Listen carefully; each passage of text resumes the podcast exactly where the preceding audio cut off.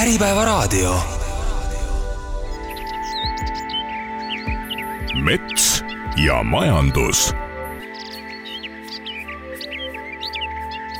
tere jälle, head Äripäeva raadio ja saate Mets ja majandus kuulajad. mina olen saatejuht Toomas Kelt ja täna viin teid puidutööstuste maailma. kahjuks tänased jutud väga optimistlikud ei ole, pigem murelikud, sest teatavasti on puidutööstustes paras kriis lahti kõige suurem asi on selles, et nõudlus toodete, eriti saematerjali järele on langenud, kuna ehitusmahud meie puidutööstuste peamistel turgudel Skandinaavias, aga ka mujal Euroopas on kiiresti langenud. teiseks on meie tootmine kallis. tooraine ehk palk on Eestis üks maailma kallimaid ja töötajate palk on järjest tõusnud. energiakriis kah siia juurde. ja kolmandaks valitseb metsanduses totaalne ebakindlus milline saab olema Eesti metsanduspoliitika, kas raiemahud langevad, tõusevad või ei muutu, selgust ei ole ja see tekitab raskusi veelgi juurde. aga lähme esiteks Kohilasse, külla sealsesse vineeritehasesse. suurde Läti korporatsiooni kuuluv Kohila vineeritehas on Eesti moodsaim ja seal töötab üle kahesaja inimese. minu vestluskaaslaseks oli tehase tootmisjuht ja juhatuse liige Andres Laht, kellega alustasin traditsiooniliselt. et kuidas siis ka läheb no kui me võtame üleüldiselt puidutööstuse äh, suures pildis, siis äh, tõepoolest jah, on ju järjest olnud uudiseid, kus meil äh, mitte ainult puidutööstus, vaid kogu tööstus tegelikult on langustrendis olnud. Ja, ja eks siin on erinevaid globaalsed mõjurid on kindlasti, on üleüldine majanduse jahtumine, on üks, üks, mis on mõjutanud, siis on Ukraina-Venemaa sõda kindlasti on väga palju mõju avaldanud noh, pluss siis ka tegelikult ka eelnevad kriisid, mis on päris äh, raskest seisust, on kõik need tööstused läbi pidanud tulema ja on nende, ütleme, konkurentsivõimet vähendanud. ja noh, kui me vaatame ka, ütleme siis äh, ka Eesti mõistes, tegelikult Eestis ka ju on ju viimasel ajal keskkond ju väga muutunud ja muutunud tegelikult ju ettevõtjate jaoks äh, kehvemas suunas või negatiivsemas suunas. täna ütleme, et Eesti on, Eesti on teinud kõik selleks, et ju siia mitte investeerida, aga mitte ühtegi uut tööstust siia mitte püsti panna äh,. kui me nüüd võtame äh, Kohila Vineeri siis äh, meil on tegelikult tänaseni on läinud äh, noh, ka ütleme raskelt läbi raskuste, aga tegelikult kokkuvõttes äh, suhteliselt hästi, tootmine on stabiilne, turg on, turuga, turuga on samamoodi olukord stabiilne, tellimused hetkel on, aga no eks me näeme ka, et teatud segmentides näeme, näeme langustrende. kuna vineer, ütleme, noh, erinevalt teistest puit, puittoodetest võib-olla vineer on nagu rohkem äh, segmenteeritud erinevatesse äh, valdkondadesse, siis äh, kui meil üks, ühes valdkonnas on kukkumine, siis see ei, ei, ei mõjuta kohe nagu nii tugevasti ettevõtte käe, käekäiku. no siin on öeldud ka, et vineeritootjatel läheb üldiselt natukene paremini kui ütleme, saematerjali tootjatel no nagu ma ennist juba mainisin, et, et äh, kuna vineeri, ütleme, kasutusvaldkonnad on väga erinevad, siis ehitus on tõepoolest languses täna, kui me vaatame, noh, mitte ainult Skandinaavias, vaid kogu Euroopas ja kui me vaatame ka ookeani taha, ütleme nii Aasias kui ka ütleme ühend, Ühendkuningriigis ja Ameerikas, aga noh, ütleme teised turud täna niisugust, sellist langustrendi pole, pole, pole näidanud. et selles valguses on meil läinud paremini. ja noh, kindlasti on ka, ütleme, mõju avaldanud ka sanktsioonide kehtestamine Vene, Vene, Vene vineerile, mida tegelikult ei ole ju saladus, et Äh, tuli siin tippajal vaata et pool tuli Euroopa Liitu tuli sisse. täna küll osa sellest vineerist on leidnud alternatiivsed tarne, tarneteed Euroopasse läbi kolmandate riikide nagu Türgi ja Kasahstan ja, ja Hiina ja aga noh, sellegipoolest ütleme, mahud on küll täna kasvavad, aga ütleme, suurtööstused, suurtarbijad täna ikkagi tegelikult nende alternatiivtarne, tarnekanalitega ei, ei arvesta. kuhu see vineer läheb põhiliselt, mida teie siin toodate? Seda, mida me, toodame nüüd siin Kohilas konkreetselt, äh, noh, kuna me oleme Euroopa ettevõte, äh, siis äh, suurim turg meil paratamatult on, on Euroopa, nii Skandinaavia kui Kesk-Euroopa, aga ütleme, meie tooteid liigub tegelikult kokkuvõttes üle maailma, et meil on, ütleme, otse Kohilast juba pea kuuskümmend riiki nimekirjas, läheb meie vineeri Lähis-Idasse, läheb meie vineeri Aasiasse, Ameerikasse läheb meie vineeri samamoodi, et, et, et põhimõtteliselt meie tarne, tarne, tarnekaugus on üle maailma. Neid erikasutusvaldkondi on erinevaid. Äh, paratamatult äh, suurim kasutusvaldkond on ehitus, äh, ehituse me tegelikult omakorda jagame veel kaheks, me nimetame seda siis raskeehitus ehk siis betoonvaludeks kus kõik need pilvelõhkujad, kõrghooned, kus betooni valatakse, tegelikult tehakse, vineerist tehakse rakised ümber üldjuhul. samamoodi ütleme siis tellingutes kasutatakse vineeri ja on olemas siis ütleme siis kerge, kerge, kerge, kergeehitus, mida me nimetame, et, et seal äh, läheb siis äh, vineeri kasutus, kasutus äh, peamiselt siis siseinteriööri elementidega. et, et kui me vaatame siis äh, seinapaneelid äh,, mööbel äh,, aluspõrandad, et kasutusvaldkondi nagu ehituses vineeril on väga-väga palju. teine suurem äh, segment on äh, transport et äh, transpordis äh, me ka jagame tegelikult äh, transpordi mitmeks erinevaks alagrupiks. Äh,, üks on kindlasti äh, treilerid äh,, suurte treilerite äh, põrandad, lekkapõhjad, samamoodi ütleme siis ka kinniste furgoonide seinad näiteks tehakse vineerist.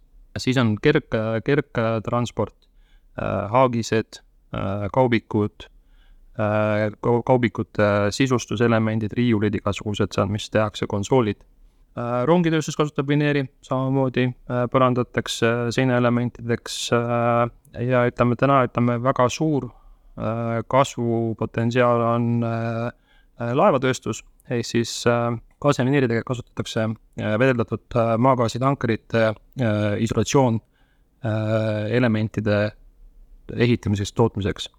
tehakse niisugusest vineerist karkassi peal ja siis täidetakse isolatsioonmaterjaliga ja see turg on tegelikult, on on kasvanud ja on tulevikus kindlasti ka kasvutrendis. ja kõikidesse nendesse sektoritesse, mida mainisite, läheb ka Kohila vineeri? absoluutselt, et, et meie, meie klientide nimikiri, nimekiri on päris, päris suur, lai ja tarnime kõikidesse eelpool nimetatud segmentidesse. lisaks võib-olla ütleme siis, mis ma jätsin mainimata, et tegelikult ju vineeril on väga palju alternatiivkasutusvaldkondi, et kui me täna ja, ja kasutusvaldkondi tuleb pidevalt ka tegelikult juurde. et kui me vaatame äh, Äh, kas või täna tänaval me näeme, et hästi popp trend on kastiratteid teha, siis seal kasutatakse väga tihti, tehakse see kast tehakse vineerist, äh, vineerist tehakse liiklusmärke, vineerist tehakse mööblit, äh, laserlõikus näiteks on, ütleme, trend, mis on tegelikult samamoodi siin viimastel aastatel kasvutrendis olnud, et kui me vaatame, siis väga erinevaid elemente tehakse täna laserlõikusega vineerist, et, et vineer, vineeril on väga palju erinevaid uusi kasutusvaldkondi, on, on, on varasemaid kasutusvaldkondi ja ka uus kasutusvaldkondi, kus, kus äh, seda saab äh, ära rakendada. no peab vist ütlema, et kui Eestis vineeri tehtakse, et kus siis mujal veel, ega neid piirkondi ju väga palju ei ole, kus sellist kvaliteetset kaske kasvab, millest saab korralikku kasevineeri teha? jah, tõsi ta on, et äh, Eesti on metsariik ja, ja metsa meil on palju ja, ja kask on meil tegelikult ju top kolme puuligi seas, et äh, oleks täiesti imelik, kui me seda ei oskaks siin kohapeal Eestis väärindada ja ma arvan, mehaanilise puidutööstuse seisukohast Vineer on üks parimaid äh, väljundeid kindlasti äh,, mida saaks kases teha.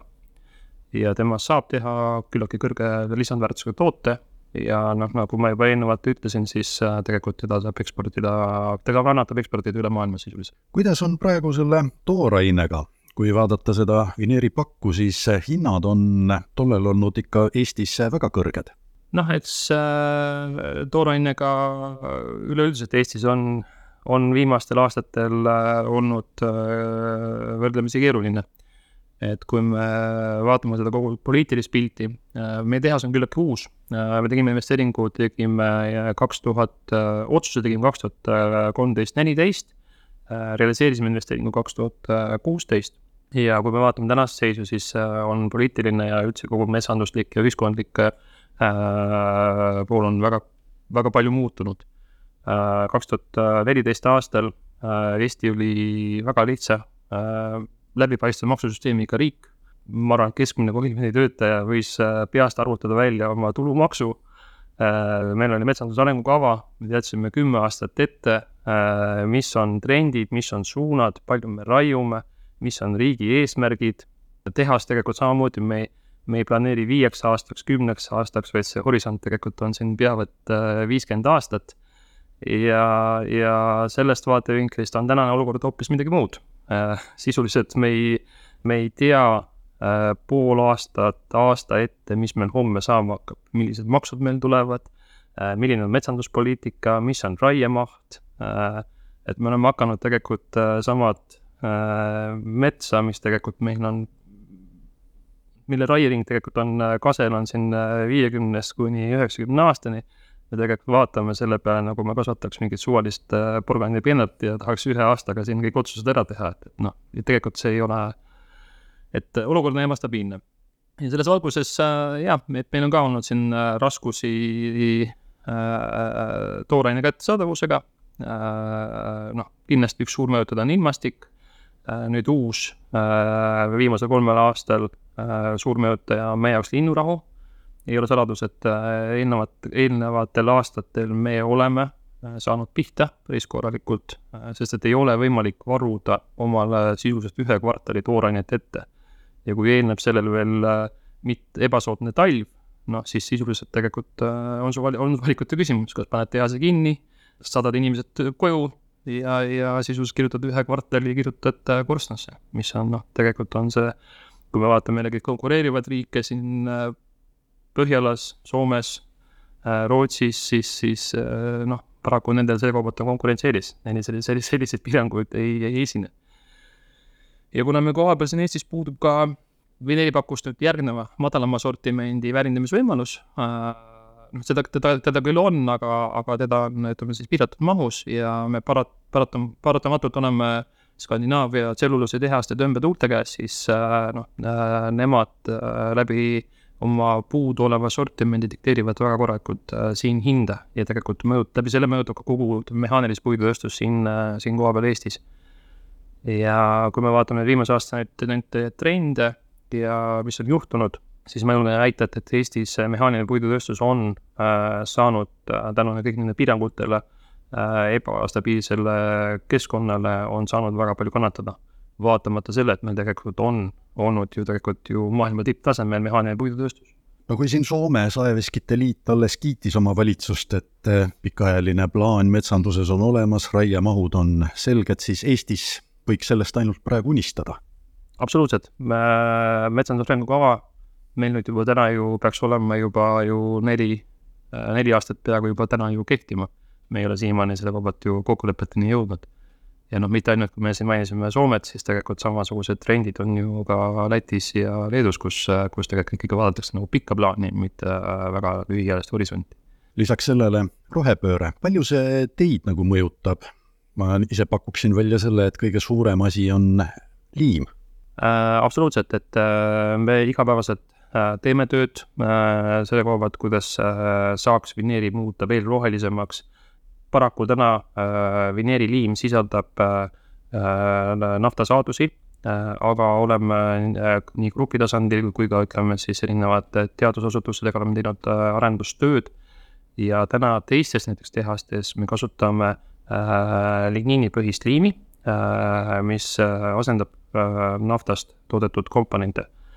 Ja, ja selle, noh, selle osakaal täna on umbes circa pool aga lähiaastatel me plaanime seda kindlasti seda, seda suurendada, seda osakaalu, sest tegelikult vineer, vineer muutub läbi aegade, äh, tulevikus muutub kindlasti tunduvalt äh, veel, ütleme siis äh, taastuvatest ressurssidest toodetud materjaliks.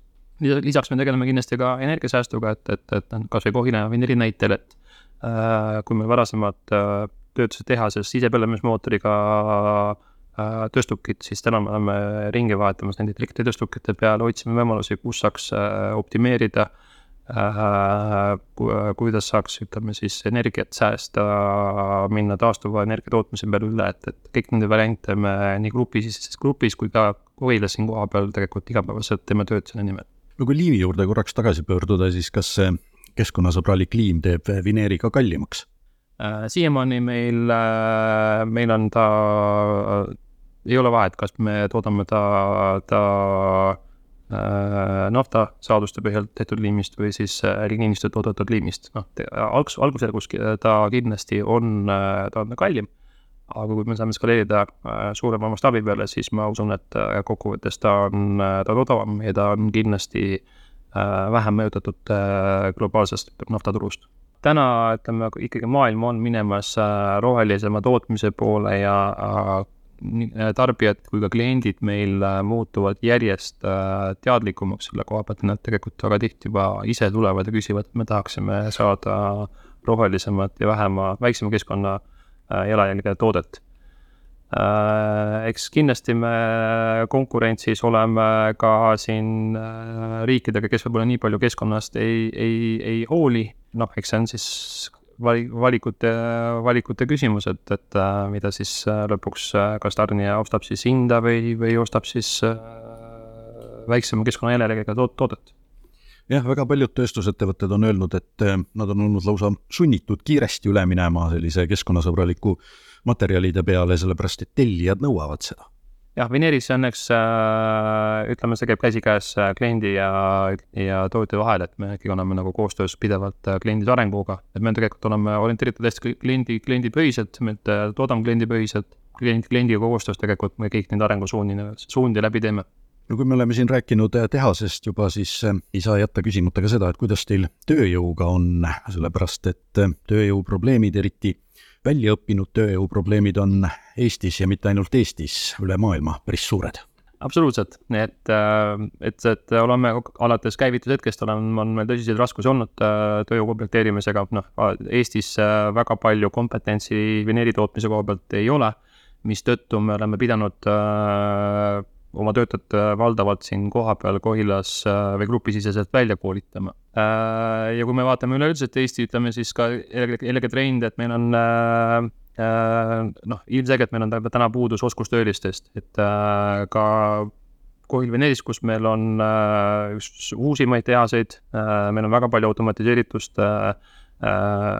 mis omakorda vajab tegelikult tehnilist personali, automaatikuid, mehhatroonikuid siis noh, nendest on Eestis äh, väga suur puudus ja koolides sisuliselt, äh, kui nad jõuavad juba esimesele-teisele kursusele, nad juba tegelikult on juba kuskile juba ära planeeritud, kus kohta nad tegelikult tööle võetakse. samal ajal, kui me vaatame jällegi, mis meil nagu siis koolist välja tuleb, siis me koolitame suures hunnikus ärijuhte, õigusteadlasi, keskkonnateadlasi, raamatupidajaid, noh mis tegelikult äh, noh, tööstust kuidagi nagu edasi paraku ei, ei, ei, ei, ei aita ja ei vii. Äh, ja samal ajal ütleme siis äh, noh, muud oskustöölist me kohad, koolitame koha peal ja siin ütleme, võib-olla ka probleem natukene on ka ütleme selles arusaamises, et, et meil on tulnud kaasa paratamatult see Nõukogude Liidu pärand, et arvatakse, et, et tehase töö, see on, see on kuidagi noh, see ei ole populaarne, see, see, see ei ole seksikas. Äh, et, et, et see on must töö ja, ja, ja et, et äh, füüsiline töö, noh tegelikult äh, reaalsus on äh, see, et, et täna meil äh, operaatori roll tegelikult on protsessi jälgida, ta juhib seda läbi puutetundliku tegelikult ekraani. Äh,, füüsilist tööd tal on seal äh, minimaalselt ja ta peab olema tegelikult suhteliselt hea tehniline taip, et ta saab aru, äh, miks üks või teine või kolmas asi juhtub ja ta peab sellesse protsessi vajadusel nagu sekkuma. ja kui me vaatame kas või samamoodi siin Põhjala riike, siis, äh, siis noh, meil on kindlasti arenguruumi selle koha pealt, et teha see töö tegelikult et ta ei ole millegi poolest hullem, kui, kui, kui on kontoritöö ja ma julgen väita, et täna meil Äh, tehases äh, keerulisema, keerulisemate seadmete operaatorid, äh, ma arvan, et teenivad rohkem kui mõni särki kandev kontoritöötaja. Ja kui vähegi tööstus Eestis edasi areneb, siis ei ole karta ka seda, et need töökohad ära kaoksid?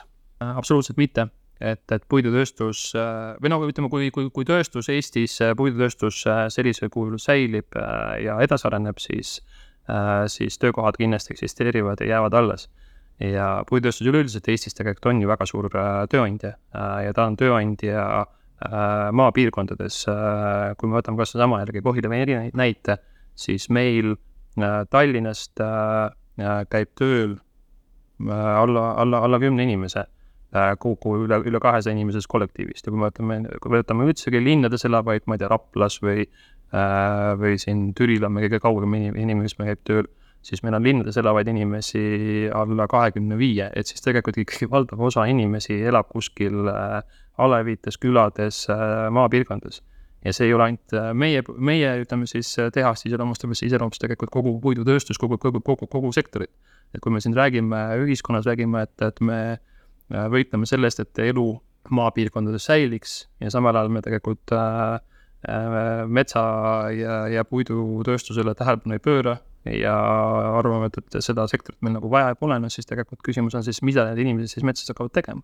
või, või mida need inimesed maal hakkavad tegema. kuidas teile tundub, kas teie olete aru saanud, et missugust tööstust Eestis üldse tahetakse nagu ütleme, riiklikul tasemel, missugused sektorid peaksid arenema, kui palju meil peaks olema? aus vastus, ei ole aru saanud et ühtepidi me nagu, me nagu hästi surume erinevaid teenuseid ja teeme Eestist teenusriiki aga noh, ma ei, ma ei, ma ei, paraku ei tea ühtegi niisugust äh, väga head näidet, kus mõni teenusriik on, nüüd on äh,, on, on väga, ütleme siis äh, rikkaks ja, ja, ja ühiskondlikult väga arenenuks saanud. samal ajal ressursse meil ka väga nagu pole, naftat me maa seest kaevandada ei saa, metalle meil väga palju pole äh,, vähesed ressursid, mida meil on, selle peale me ka tegelikult vaatame, et me neid ei, ei, ei, ei ei taha majandada, ei taha neid, neid, neid väärindada. noh, ja samal ajal me tahame tegelikult elada, elada tasemel, nagu täna elavad Skandinaavia riigid. Äh, ja meie kulud on täna juba nagu kohati nagu Skandinaavia riikides. aga samal ajal, kui me vaatame oma äh, tulu poolt, noh siis ma julgen väita, et kohati me jääme alla, alla keskmise Euroopa riigi. Et, et noh, siin tuleb nagu leida jällegi ühiskondlik äh, kokkulepe kindlasti, et mis, mis on nagu siis meie valdkonnad, mida me arendame, aga noh, tööstus ilmselgelt on rikkusallikas, et kui meil tööstust ei ole, siis paraku me ei saa õpetajatele palka maksta, arstidele palka maksta, päästjatele palka maksta, et, et siis peame mingid muud alternatiivsed väljundid selle jaoks saama. et täna kuidagi on nagu ühiskonnas tekkinud niisugune natukene minu arvates nagu vale arusaam, et raha tuleb seinast äh,, riik peaks kinni maksma elektriarve, tööandja peaks kinni maksma auto ja kütuse ja noh, ütleme siis, äh, kui raha üle jääb, et siis äh, siis päris hea oleks, kui pas-, passaks veel palka ka veel. noh, see nagu ühiskonna arusaam tuleks natukene minu arvates nagu muuta. no kui siin kõige suuremad kriisiajad olid, siis paljud Euroopa riigid toetasid oma tööstust, Eesti seda ei teinud. kas tundsite ka, et seda oleks vaja olnud? absoluutselt, kui me vaatame äh, energiatarbimise koha pealt, siis äh, paraku me oleme suur energiatarbija. Meie elektriarved kasvasid siin äh, energia, energiakriisi ajal kasvasid ikkagi kordades äh, ülesse. Ja kui vaadata naaberriike, kes tegelikult oma, oma tööstusi äh, aitasid, noh, ilmselgelt äh, nende konkurentsivõime ju jällegi paranes, ehk siis pikas plaanis, kui meil nüüd kriis peaks äh, täna veel süvenema äh,, olukord peaks veel halvenema, noh siis jällegi kõige modernsem, kõige innovaatilisem mehaaniline puidutööstus, mis meil tegelikult ju Eestis eksisteerib maailmas on ju läbi selle on esimene, kes tegelikult konkurentsist välja kukub. et lähevad lihtsalt naabrid ette, kes praegu ka tugevasti investeerivad? absoluutselt, et, et, et äh, Soome kindlasti, Soome tööstused äh,, Lätisse uued investeeringud, mis tulevad äh,, teevad meile, teevad meile ära. kas usute, et praegune Riigikogu võiks nagu ennast kokku võtta ja tegeleda ka sellise teemaga, et mis meie tööstusest peaks saama? ma arvan, et äh, majandus on alustala ja see peaks olema prioriteet number üks, et äh, ka kodumajapidamises kõigepealt tegele tuludega siis kohe tegeleb kuludega ja siis äh, hakka tegelema hobide ja muude kõrvaliste tegevustega. meil on kuidagi nagu paraku vastupidi, et me tegeleme hobide ja äh, pisiprobleemidega ja siis äh, ja, ja siis ma ei tea, millal me ükskord hakkame suurprobleemidega, probleemidega tegelema mets ja majandus jätkub ja järgnevalt püüame paari erineva vestluskaaslase abil saada selgust, et mis seal tooraineturul siis õieti toimub. esiteks anname sõna metsandusspetsialist Heiki Hepnerile. kuna Hepner on juba pikemat aega koostanud puiduturu ülevaateid, on tema ka kõige õigem inimene seda teemat kommenteerima ja siia võibki tuua näiteks Soome selle Saetööstuste Liidu viimase pöördumise, kus nad teatasid, et nad on päris rahul Soome uue valitsusega raiemahud ei lange ja nemad saavad stabiilselt äh, arvestada tooraine kogusega ja pikaajaliselt planeerida oma tööd. see on hästi oluline, see, mõni mõtleb, et noh, mis see siis ikkagi on, et, et äh, mis see, mis see sõna siis maksab või, või, või mis see plaan on, aga, aga äh, tegelikult suurtes tööstustes on pikaajaline planeerimine väga-väga oluline Äh, see annab võimaluse teha investeeringuid, see annab võimaluse investoritel minna, finantseerida seda, neid investeeringuid, minna panka, küsida äh, vajalikul hulgal laenu äh,, saada normaalset intressi, mis ei ole, kus riskid on madalad. noh, keegi peab need riskid kinni maksma. kui valitsus annab sulle äh, väga segaseid sõnumeid, siis äh, need riskid on väga suured investorite jaoks ja, ja see peegeldub lihtsalt rahas ja see lõpuks peegeldub lihtsalt meie rahakotis, tavatarbija rahakotis, äh, meie palkades, meie toetustes, kus see raha tuleb ju kokku korjata. et noh, makromajanduslikult nii lihtne see tegelikult ongi no kui saematerjali peale juba jutt läks, siis kuidas praegu seal see hinnatase on, on ta jätkuvalt ikka see kõige, kõige magusam? Jaa, ta on muidugi äh,, ütleme niimoodi, et ega täna metsaomaniku jaoks ei ole olukorral hullu midagi, kui oleks äh,, kui ta hullemaks ei lähe äh, ja, ja kui oleks ostjaid, et äh, pigem on äh, probleem selles, et praegust on äh, mitmed tööstused pannud äh, oma toormeostu pausile, ressurssi on piisavalt, suvel on ka nõudlus toodangu järele natukene võib-olla väiksem, et kui nüüd sügise ikkagi see taastuks sellise hinnataseme juures nõudlus, siis oleks kõik, kõik väga hästi, siis oleks kõik väga hästi.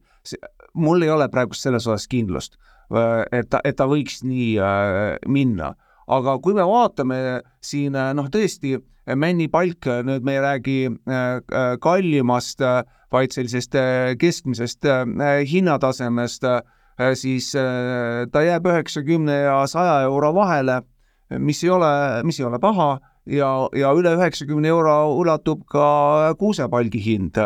et see on hinnatase Äh, mis äh, peaks metsaomaniku äh, näo rõõmsaks tegema. noh, tõsi, praegust vaadates seda tipuaega, noh, kus, kus noh, siin ma ütlesin, eelmise aasta sügis ja võib-olla mõni on harjunud või noh, seab oma atra selle kõige magusama aja järgi, siis, siis noh, seal olid muidugi hinnad ikkagi selgelt kõrgemad, et, et Äh, noh, see on äh, koht, kus äh, võib-olla ei, seda aega ei ole mõtet taga igatseda, et see oli ebanormaalne aeg ja ja, ja selle järgi tegelikult plaane teha ei ole, ei ole, ei ole mõtet, et et noh, võib arvata, et ikkagi selline keskmine hind äh, palkide puhul lõpuks jääb äh,, mis meil on olnud ikkagi ka kaheksakümne euro, kaheksakümne, üheksakümne euro peale äh,, noh, nii nagu ta äh, siin äh, on olnud äh, enne neid äh, võib-olla magusamaid aegu, et, et, et, et ei ole mõtet kõrgemat hinda ka, ka väga-väga oodata täiesti selline keskmine Euroopa tase, isegi natukene selline kõrgemapoolne. just nimelt, just nimelt ja, ja, ja see nüüd on, noh, siin see sõltub ka äh, nagu öeldakse, tuhandest pisiasjast äh,, kuidas meie ettevõtjad siis suudavad oma turgudel toodangut müüa, et äh, kuidas läheb intressiturul, kuidas läheb ehitusturul, mis on meie Põhjamaades, Soome on küll Eurotsoonis, aga Rootsi, Norra on oma valuuta peal, et kuidas nende äh, valuutakurssidega on, mis saab energia äh, hindadest, äh, noh, Eesti ei ole olnud väga varmas oma tööstustele Äh, eeliseid looma, samas näiteks Saksamaa ja, ja mitmed teised riigid on seda teinud, et see sõltub äh, paljudest äh, pisiasjadest, aga aga noh, ma arvan küll, et, et niisugune kaheksakümmend pluss palgihind võiks olla selline jätkusuutlik hind. No tegelikult metsaomanikku võiks ju rõõmustada ka need prognoosid, mis Soomest-Rootsist tulevad, et ühelt poolt jah, selline nõudlus puitmaterjali järele praegu langeb, eriti ehitusmaterjali järele, samal ajal nõudlus puidu järele pikas perspektiivis järjest peaks kasvama. jaa, ega äh, ausalt öeldes mina rohepööret ilma puidunõudluse suurema kasvut ette ei kujuta. et kui me räägime üldse rohepöördest, siis on äh, noh, üks osa on see, et me vähendame võib-olla või äh, tarbimist või, või tarbime targemalt ja teine osa ongi see, kus me siis puidu aga võib-olla ka mõne teise siis ähm, noh, taastuva loodusressursi kasutamist suurendame, tasandada fossiilseid toormeid.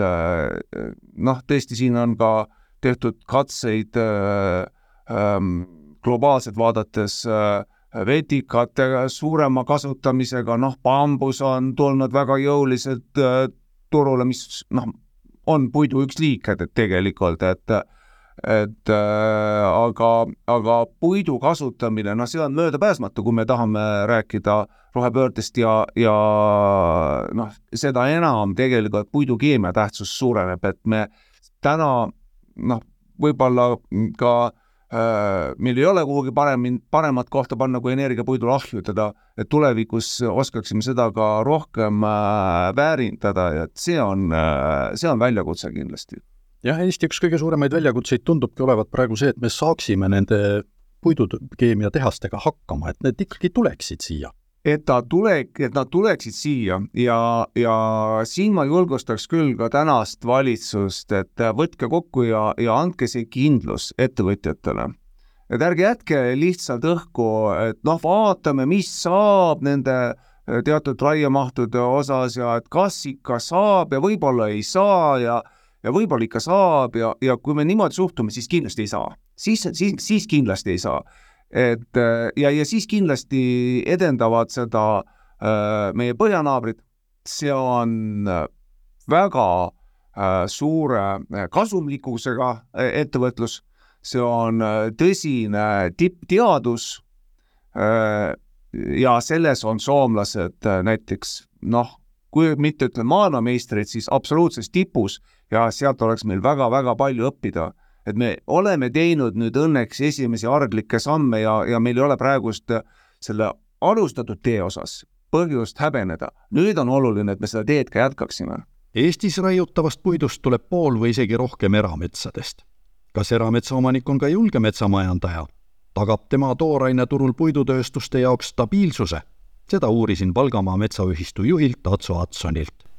mure ongi see teadmatus pigem ja, ja, ja nad ei, nad ei julge, nad ei julge nagu otsuseid vastu võtta, sest nad ei tea, mis, mis homme tuleb, sest et justkui puuduks riigi poolt pikk plaan ikkagi, et mis omanik nagu võiks ette võtta, kas, kas ta peaks kiirustama oma metsa raiumisega, et äkki homme ei lubata raiuda. selline ebaselge õhkkond on nagu selles valdkonnas et, et äh, keskkonnakaitsjad äh, üritavad piirata äh, noh, selliseid majandusvabadusi, mitte nüüd, mitte nüüd keskkonnakaitsjad otseselt, aga nemad ju on ka kellegi, kellegi huvides võib-olla toimetavad, ajavad oma asja, aga omanikud ei, ei tea jah, mida teha ja, ja, ja kuna teha. et selline, selline väike peataolek valitseb ikkagi, aga kui öeldakse, et, et noh, majadega täna ja kohe, siis, siis, siis nad nii teevadki aga, aga just, just ikkagi sellist riiklikku stabiilsust on, on vähe näha, et, et ainult piiratakse, aga, aga toetusmeetmed ja sellised äh, kas või maadevahetused või asjad, mis, mis muudaksid inimeste, inimeste suhtumist sellesse metsandusse, seda nagu praegu valmis pandud ei ole, et, et pigem ongi sellised sanktsioonid ainult, aga, aga nagu teisi vastu, vastumeetmeid, et leevendavaid asjaolusid nagu väga ei ole, et inimestel ei ole jah, nagu usku sellesse metsandusse tihtipeale enam. no et kardetakse, et mine sa tea, mis siin mõne kuu, mõne aasta pärast saab? jah, pigem küll, et, et lähiajal võib-olla niimoodi üleöö ei juhtu midagi, aga samas ei ole ka mingit selget signaali, et mis võiks toimuda kümne või kahekümne aasta pärast, ei ole metsanduse arengukava korralikult, ei ole ka mingit pikka viiekümne või saja aasta plaani, et, et kuhu, kuhu Eesti metsandus võiks jõuda, kõik tahavad tohutult innovatiivsed olla aga samal ajal pillutakse kaikaid kodarasse, et jumala eest, et siis ei, ei areneks see sektor või, või ei saaks nagu ligniini korralikult arendada välja või seda tootmist või puitu väärindada väärikalt. ja siis äh, antakse märku, et, et, et Eesti metsandus on niisuguses äh, lapse kingades, et puit aetakse ahju, tehakse sellest äh, tualettpaberit.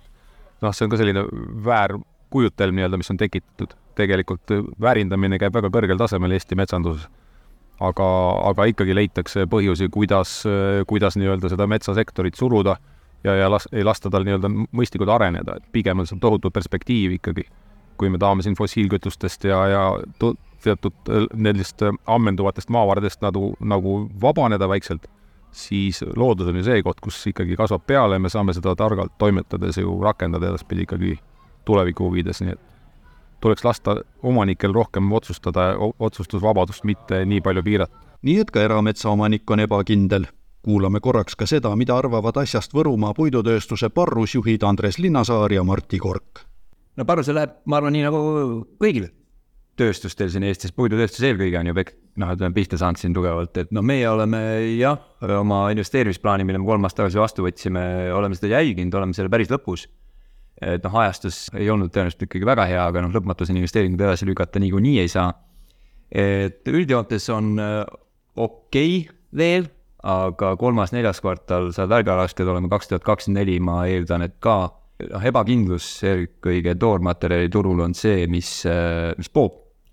täna on vestipalgi ja soomepalgi hinnavahe, ma ei tea, kakskümmend viis protsenti, see on ajalooliselt nii olnud, eks ju. ja seda nagu välja ei automatiseeri, seda hinnavahet, mitte kuidagipidi. ja noh, see ebakindlus ka, et kas nüüd siis tuleb või ei tule, on ju, et raiemahtu tõstetakse ja loksutatakse, noh, hästi palju, on ju. Õnneks on parem tööjõuga seda peab ütlema, aga sellesse me oleme ka kõvasti investeerinud, nii ütleme, töökeskkonda kui, kui oma nii-öelda töötaja, tööandja brändi. ja noh, siuksed rahulikumad perioodid annavad võimaluse teha siis siukseid pehmeid investeeringuid, noh, et me oleme siin digitaliseerimise järgmises ringis nüüd uue, uue ERP-i juurutamise ja kõige muuga, nii et, et noh, seal on ka positiivset. ja aga noh, hea on öelda seda, et me tegelikult oleme tänases võimekuses välja müüdud, ütleme selleks teiseks poolaastaks aga noh, see tuleb ikkagi siukse väga-väga olematute marginaalidega et see on kliendipaadi hoidmise teema ja noh, näis kaua me jõuame, et me oleme selle taktika täna võtnud, et me kliendid teenindame ära. aga noh, hinna, hind on pale lihtsalt. me teame, et Soome, Soomes, Rootsis, Norras ja Taanis äh, uute ehituslubade väljaandmine on, on kukkunud seal ma ei tea, erinevate turgude kolmekümnest kuni viiekümne protsendini, eks ju. renoveerimisega sama lugu, eks ju, see ka oluliselt väheneb, noh, turg tõmbab väga kiiresti koomale. mina ei arva, et mingi paranemine tuleb enne kahekümne viiendat aastat järgmine aasta meil on ka tõrendamas siin täiendavad maksutõusud igalt poolt on ju, see kindlasti ka ettevõtte elu lihtsamaks ei teeks. kaheksateist kuud on, on vähemalt äh, rabelemist äh, ja, ja ellujäämise nimel on ju, et, et kahju on sellest, et või noh, me loodame, et see asi nii hulluks ei lähe, et me peame veel rohkem kokku tõmbama, sest me oleme ehitanud täna ennast üles ikkagi ikkagi hoopis teiseks, teiseks nagu turuolukorraks, et sest sellest paranemine hiljem läheb väga-väga kalliks. Ma olen võib-olla natukene optimistlikum selles tuleviku suhtes, et mitte kaheksateist kuud, vaid kaksteist kuud aga noh, see ei muuda fakti, et, mm. olukord on keeruline. ja no muidugi natukene hirmuäratav on ka see, et, et Eesti poliitika liigub oma teed ja ei jälgi meie majandus, meie majandusvajadusi. käisime just siin Kohtla-Järvel, rääkisime Viru Keemia Grupi inimestega, et noh, sama, sama probleem nagu meil mm., ebakindlus, ebakindlus, täiesti ebakindlus, mis elu toob. Ja seal on need muutused seoses kvootide, kui kvoodid tõstetakse, siis nad lihtsalt surevad ära ja kohaliku kogukonna inimesed seal on juba leppinud sellega, et kaks tuhat kolmkümmend aasta on viisteist tuhat inimest vähem, kuigi see ei tohiks nii olla, tegelikult peaks olema praegust aktiivselt tagajärjel. sellest, et riik paneb sadu miljoneid sinna õiglase ülemineku fondi. jaa, aga see on fondi, aga kuhu see läheb, et et seda nagu need ettevõtted seal ei saa aru. ja no see Lõuna-Eesti tunneb sama, et, et kui see metsatööstus võetakse koomale ja, ja me siin räägitakse ju seitsmest miljonist võib-olla ja, ja, ja mis iganes väikestest numbritest, ega noh, see on täpselt sama asi, ega ükski õiglase ülemineku fond seda noh, lühiajaliselt vähemalt ei aita ja kui ma vaatan täna meie kolmesadat töötajat ja vaatan siin ütleme haridusbaasi ja töökogemust, kaks kolmandikku nendest itimeesteks ei lähe, on ju, ja, ja ma arvan, vähemalt veerandil on raske üldse mingit teist tööd leida, on ju. ja, ja see on riigi probleem, mitte, mitte nagu otseselt nagu meie süü või meie probleem, me üritame lihtsalt töökohti leida, siin veidike äri teha ja, ja, ja, ja kogukonda aidata ja omanikele väärtust tuua. ja lõpuks IT-vendi on vaja tööstustele, kui neid ei ole, siis neid ei ole ka vaja. ja jälle oleme ringiga tagasi riigi ja valitsuse juures kiiremas korras oleks vaja kindlat ja arusaadavat metsanduspoliitikat ja tööstuspoliitikat. midagi selles vallas tehakse, uue tööstuspoliitika kavand ringleb valitsuskoridorides, arvamust on küsitud ka tööstusliitudelt. metsanduse arengukava kohta ei julge enam midagi öelda, see on täielik habemega lugu metsanduse osas peaks kõik paika panema kliimapoliitika, mille koostamisega samuti on alustatud. jääme ootele, nagu öeldakse. tööstused püüavad vahepeal ise õiget kurssi seada